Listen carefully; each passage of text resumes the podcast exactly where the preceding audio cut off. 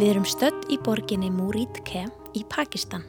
Það er sólríkur dagur og mjög heitt úti.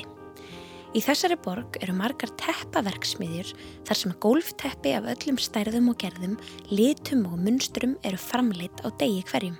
Pakistansk gólfteppi eru heimsfræg fyrir gæði en það eru þau oftast handofinn úr ótalmörgum þráðum, skreitt fallegum minstrum og hægt er að ganga á þeim í mörg ár án þess að þau skemmist. Árið er 1993 og heimurinn er að uppgötva pakistansk teppi. Fleiri og fleiri vilja kaupa þau og þess vegna eikst framleiðslan mikið. Hver einasti vefstóll í Múrítke er nýttur. Við marga vefstóla sitja börn, mörg hundruð börn sem vinna þræla vinnu við að búa til teppi. Þau komast hvergi eru neitt til að vinna 14 tíma á dag og fá varðla pásu. Þau eru sum hver hlekkið föst við vefstólana. Það eru svo mörg börn í verksmiðunum að það tekur engin eftir því þegar lítill drengur laumar sér inn.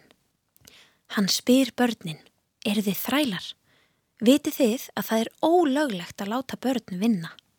Ég skal hjálpa ykkur að fá frelsi. Þetta var Iqbal Mashi. Þetta er sagan af Iqbal Mashi, pakistanskum dreng sem var þræll í teppaverksmiðju frá því hann var fjögur ára þanga til hann flúði þaðan tíu ára. Hann gerðist svo aktívisti eða aðgerðarsinni gegn barnaþrælkun í Pakistan og um heim allan. Það er talið að hann hafi hjálpað um 3000 börnum í Pakistan að losna undan vinnuþrælkun. Aktivistar eins og Iqbal mæta oft andstöðu í baráttu sinni gegn óréttlæti og fullorðu fólk sem græti peninga á teppaframleyslunni reynda að stoppa hann með hótunum.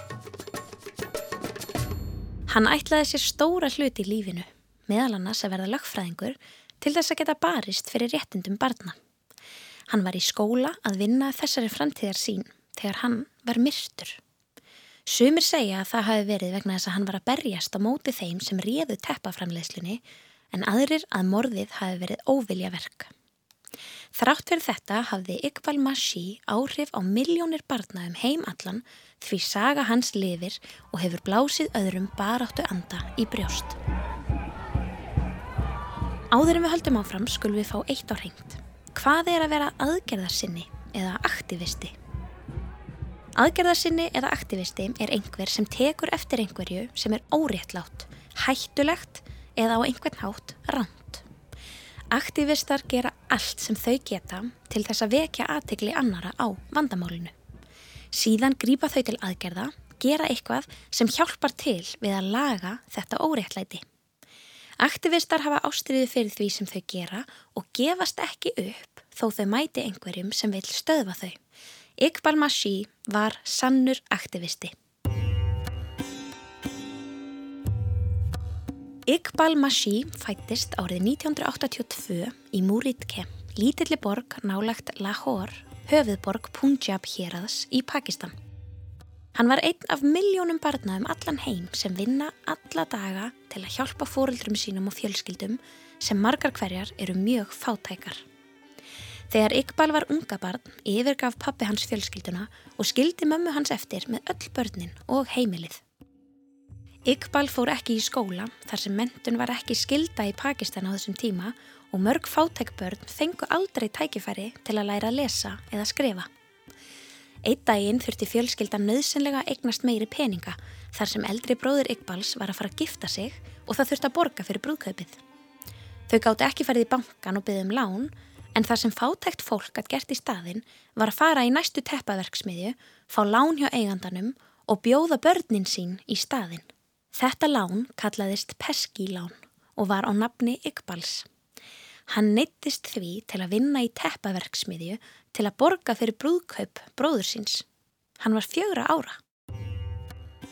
Hann átt að vefa teppi sex daga vikunar, tólf tíma á dag, þanga til að hann var búin að borga upp lánið. Hann átti líka að borga allan kostnað við mat og verkfæri og ef hann gerði mistök með teppið bættist meiri kostnaður ofan á skuldina. Launin voru svo lág að það var ómögulegt fyrir hann að borga skuldina tilbaka nokkuð tíman. Hann var fastur, barn í vinnuþrælkun. Stoppum aðeins hér. Hvað þýðir barnaþrælkun? Barnaþrælkun er þegar börn neyðast til að vinna vinnu sem skerðir frelsi þeirra til að vera börn, hindrar þau að ganga í skóla og er skadaleg nöðsynlegum þroska þeirra, andlega, líkamlega og félagslega. Það að vera þræll þýðir að vera ekki frjáls, ráða sér ekki sjálfur og geta ekki bara hægt að vinna af því mann langar ekki til þess lengur. Börn eru líklegust til að enda í þrælkunarvinnu ef fjölskyldur þeirra eru fátækar, ef þeir þurfa að fá peningað láni eins og í tilfelli ykkbals eða ef forraðumadur barnana veikist eða deyr og þau þurfa að sjá fyrir sér sjálf. Iqbal vann á samt mörgum öðrum börnum við að vefa teppi í mörg ár. Hann satt hókin yfir vefstólnum svo líka með hans þroskaðist ekki eðlilega. Hann stækkaði ekki rétt og var því alla tíð mjög smávaksinn. Börnin máttu ekki tala saman við vinnuna, voru oft bundin först við vefstólinn svo þau gæti ekki farið neitt, fengu lítið að borða í hádægismat og voru oft svo þreytt þegar þau komu heim að þau leku sér ekkert. Ef við reyndum að flýja var okkur hóta með að okkur yrði hendi sjóðandi ólju. Ef við unnum of hægt voru við lamin í baki og höfu við. Við fengum ekki marga frítaða. Jafnvel veik börn fengum ekki að kvíla sig. Iqbal var allatíð einn af þeim sem svaraði fyrir sig ef honum fannst brotið á sér. Hann var því mjög oft lamin af yfirmanni sínum og fekk heiminn háar sektir fyrir að vera með læti. Sektirnar hækkuðu skuldina svo að hann ætti aldrei möguleika á að greiða sína skuld að fullu. Eitt daginn fekk Iqbal nóg. Hann var tíu ára og hafði unnið í teppaverksmiðinni í sex ár. Hann lætist út þegar enginn sá. Hann hljóp beint á lauruglustöðuna og lagði fram kvörtun. Sagði lauruglunni frá öllu sem framfóri verksmiðinni, frá ofbeldinu og óréttlætinu sem hann og önnur börn voru beitt. Laureglan virtist vorkina honum og sagði honum að koma með sér í bílinn. Laureglan kerði beina leið aftur í verksmiðina og let yfirmann Iqbals vita. Vörður dró hann inn í refsiherbergið þar sem hann var lamin illa. Laureglan var spilt en það þýðir að hún fyldi ekki lögum landsins heldur fekk peninga frá verksmiði eigundunum gegn því að leifa þeim að stunda ólöglegt aðtæfi eins og barnaþrælkun. Iqbal strauk aftur og aftur og í hvert sinn var honum skilað í verksmiðina og skuldin hans hækkaði. Þetta var árið 1992 eða fyrir um 30 árum. Sama ár var lögum breytt í Pakistan. Svona lán sem fólk gætt fengið á móti vinnu barna sinna og fjölskyldumæðlima, peski-lánin, voru gerð ólögleg.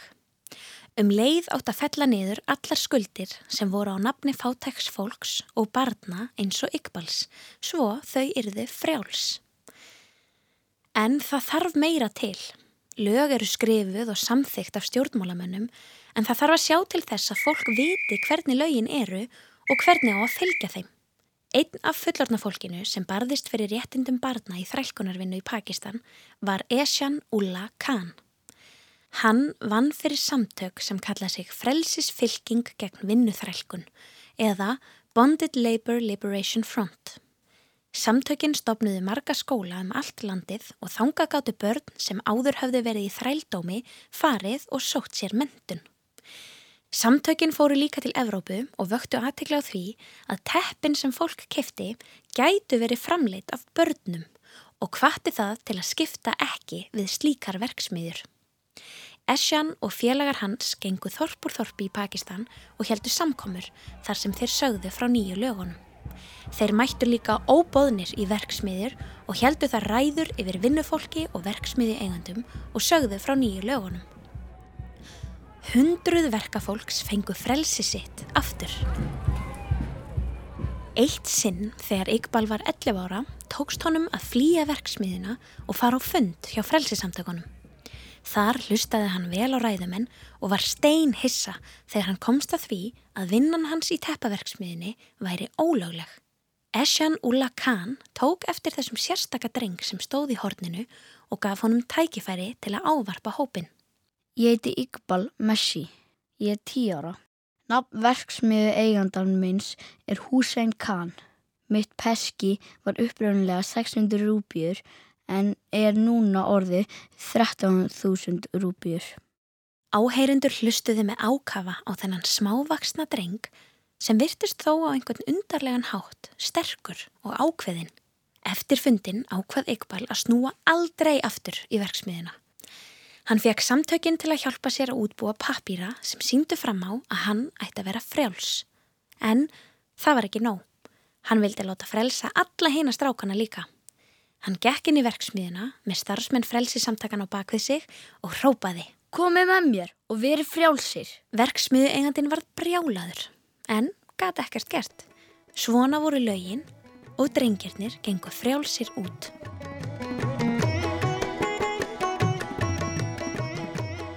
Iqbal gekk í skólafrelsi samtakana fyrir börn sem höfðu verið frelsuð undan vinnuþrælkun. Hann var rosalega góður námsmaður, vann vel og kláraði fjögura ára námsefni á tveimur árum. Hann síndi mikla leiðtóahæfileika og ástríðu fyrir því að frelsa önnur börn. Hann fór með fullornafólkinu á mótmælafundi og laumaði sér inn í verksmiður til þess að tala við börnin og segja þeim frá rétti þeirra til að vera frjáls. Með þessum aðferðum er talið að hann og samtökin hafi á einu ári aðstóðað nánast 3000 börn við að fá frelsi. Iqbal fór upp úr þessu að vekja heimsategli í mörgum blada og sjónvarpsviðtalum. Hann átti aldrei erfitt með að tjá sig eða segja sögu sína og þess vegna heitlaðist fólk af honum. Hann talaði um lífsitt sem barn í þrælkunarvinnu, aðstæður í verksmiðunum, um hinastrákana sem unnu með honum marga klukkutíma á dag, um ofbeldið og hungrið. Hann talaði um óréttlætið í því að ræna börn frelsi æsku árana. Iqbal flutti fyrirlestra víða um heim og fór meðal annars til Svíþjóðar og Bandaríkjana. Heimurinn virtist verið að vakna af værum svefni. Fólk fór að spyrja framleiðendur hvort þeir nýttu sér þrælkunarvinnu barna við vöruframleiðsluna og forðast að versla við þá sem gerði það.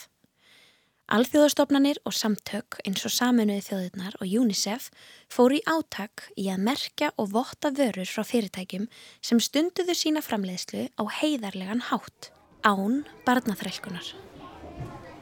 Eitt sinn fór Iqbal til bandaríkjana og heimsótti jafnaldra sína þar. Hann fór í grunnskóla í Boston og kom í kennslustund þar sem krakkarnir voru að læra um þrælahald í bandaríkjónum. Það var einu sinni löglegt þar en er ekki lengur.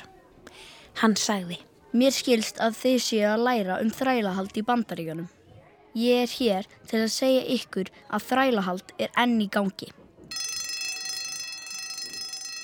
Þegar Iqbal talaði við okkur, fekk hann mig til að líta líf mitt öðrum augum Hann kendi mér að það væri ramt að taka öllu sem sjálfsögum hlut og það væri mikilvægt að nota rött sína til að benda á það sem er ramt. Ég hugsaði með mér, ef Yggval gætt breytt heiminum, þá gæti ég það líka.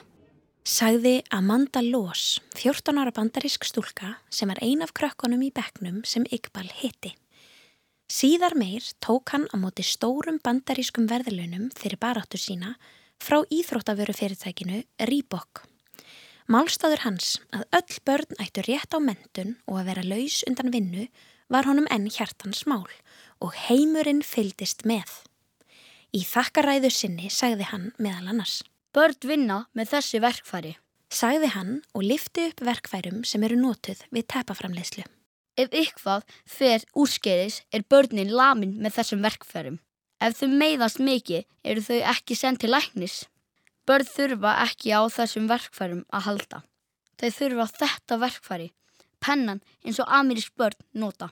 Síðan rétti hann upp penna. Ég vona að þið hjálpið frelsisamtökunum eins og þau hafa hjálpað okkur.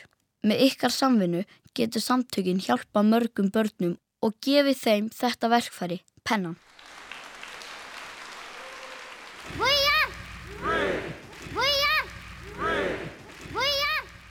Þegar Iqbal snýri aftur til heimalandsins hafði hann vakið heimsategli og þeir sem stunduðu ólöglega framleiðslu á pakistanskum teppum með barnaþrælkun fóru að missa tökin. Þetta gerði marga mjög reyða sem hafðu grætt mikinn pening á þessu ódýra vinnuafli. Iqbal fekk hótanir, sendar í posti. Það átti að stoppa hann í að frelsa fleiri börn. Hlutirnir hafa breyst. Ég var eins og niður hrættur við yfirmenn mína. Núna eru yfirmenn mínir hrætti við mig. Sunnudaginn 16. apríl 1995 var Iqbal heima hjá fjölskyldu sinni. Það voru páskar og allir vildu hitta frændan sem var allt í einu orðin heimsfrægur. Hann var sendur til að heimsækja frænda sinn áður en hann færi aftur til Lahore þar sem hann var í skóla. Iqbal hittir tvo aðra frændur sína leiðinni og saman hjóluðu þeir með kvöldmatinn á akkur frænda síns. Á leiðinni voru þeir skotnir með bissu. Annar frændi Iqbals fekk skot í höndina og náði sér að fullu. Hinn slapp ómeitur. Iqbal fekk hins vegar mörg skot í bakið og dó samstundis. Hver skaut Iqbal og hvers vegna? Það er enn ráðgáta. Ópenbæra skýringin er svo að fátækur verkamæður í þorpi Iqbals sem var undir áhrifum eiturlifja hafi skotið á strákana, án þess að vita neitt um þá. Margir trúa ekki þessari skýringu og segja að þetta sé lígi. Það hafi verið voldugar fjölskyldur í teppaframlegslu sem höfðu orðið að loka verksmiðum sínum vegna þess að Iqbal og frelsisamtökin náða vekja aðtegli á barnaþarelkun þar. Þau hafi látið drepa Iqbal til að stöðva hann. Hinga til hafa ekki borist neinar sannanir fyrir þessum ásökunum en margir tengja allar hótanirnar sem honum höfðu áður borist við þetta fólk. Iqbal var borin til gravar degi síðar, 17. apríl. Hann var 12 ára þegar hann dó. Heimurinn syrði þennan unga baróttumann og um 800 manns komu í jarðaförna hans. Hér á Íslandi var skrifað um morðið í morgunblæðinu þann 27. apríl sama ár. Um 1000 börn endu til mótmæla í Lahore í Pakistan í gær þar sem þau mótmæltu barnaþrælkun og morði á 12 ára dreng, Iqbal Masi, sem vakið hafði aðtegli á alþjóðavettfangi fyrir baróttu sína gegn barnaþrælkun í Pakistan. Fyrir börnunum fór 14 ára sýstir hans, Anjila, sem hér steitir nefan. Masi var myrtur á páskonum og er talið að pakistanskir teppaframleðendur hafi staðið að baki í morðinu.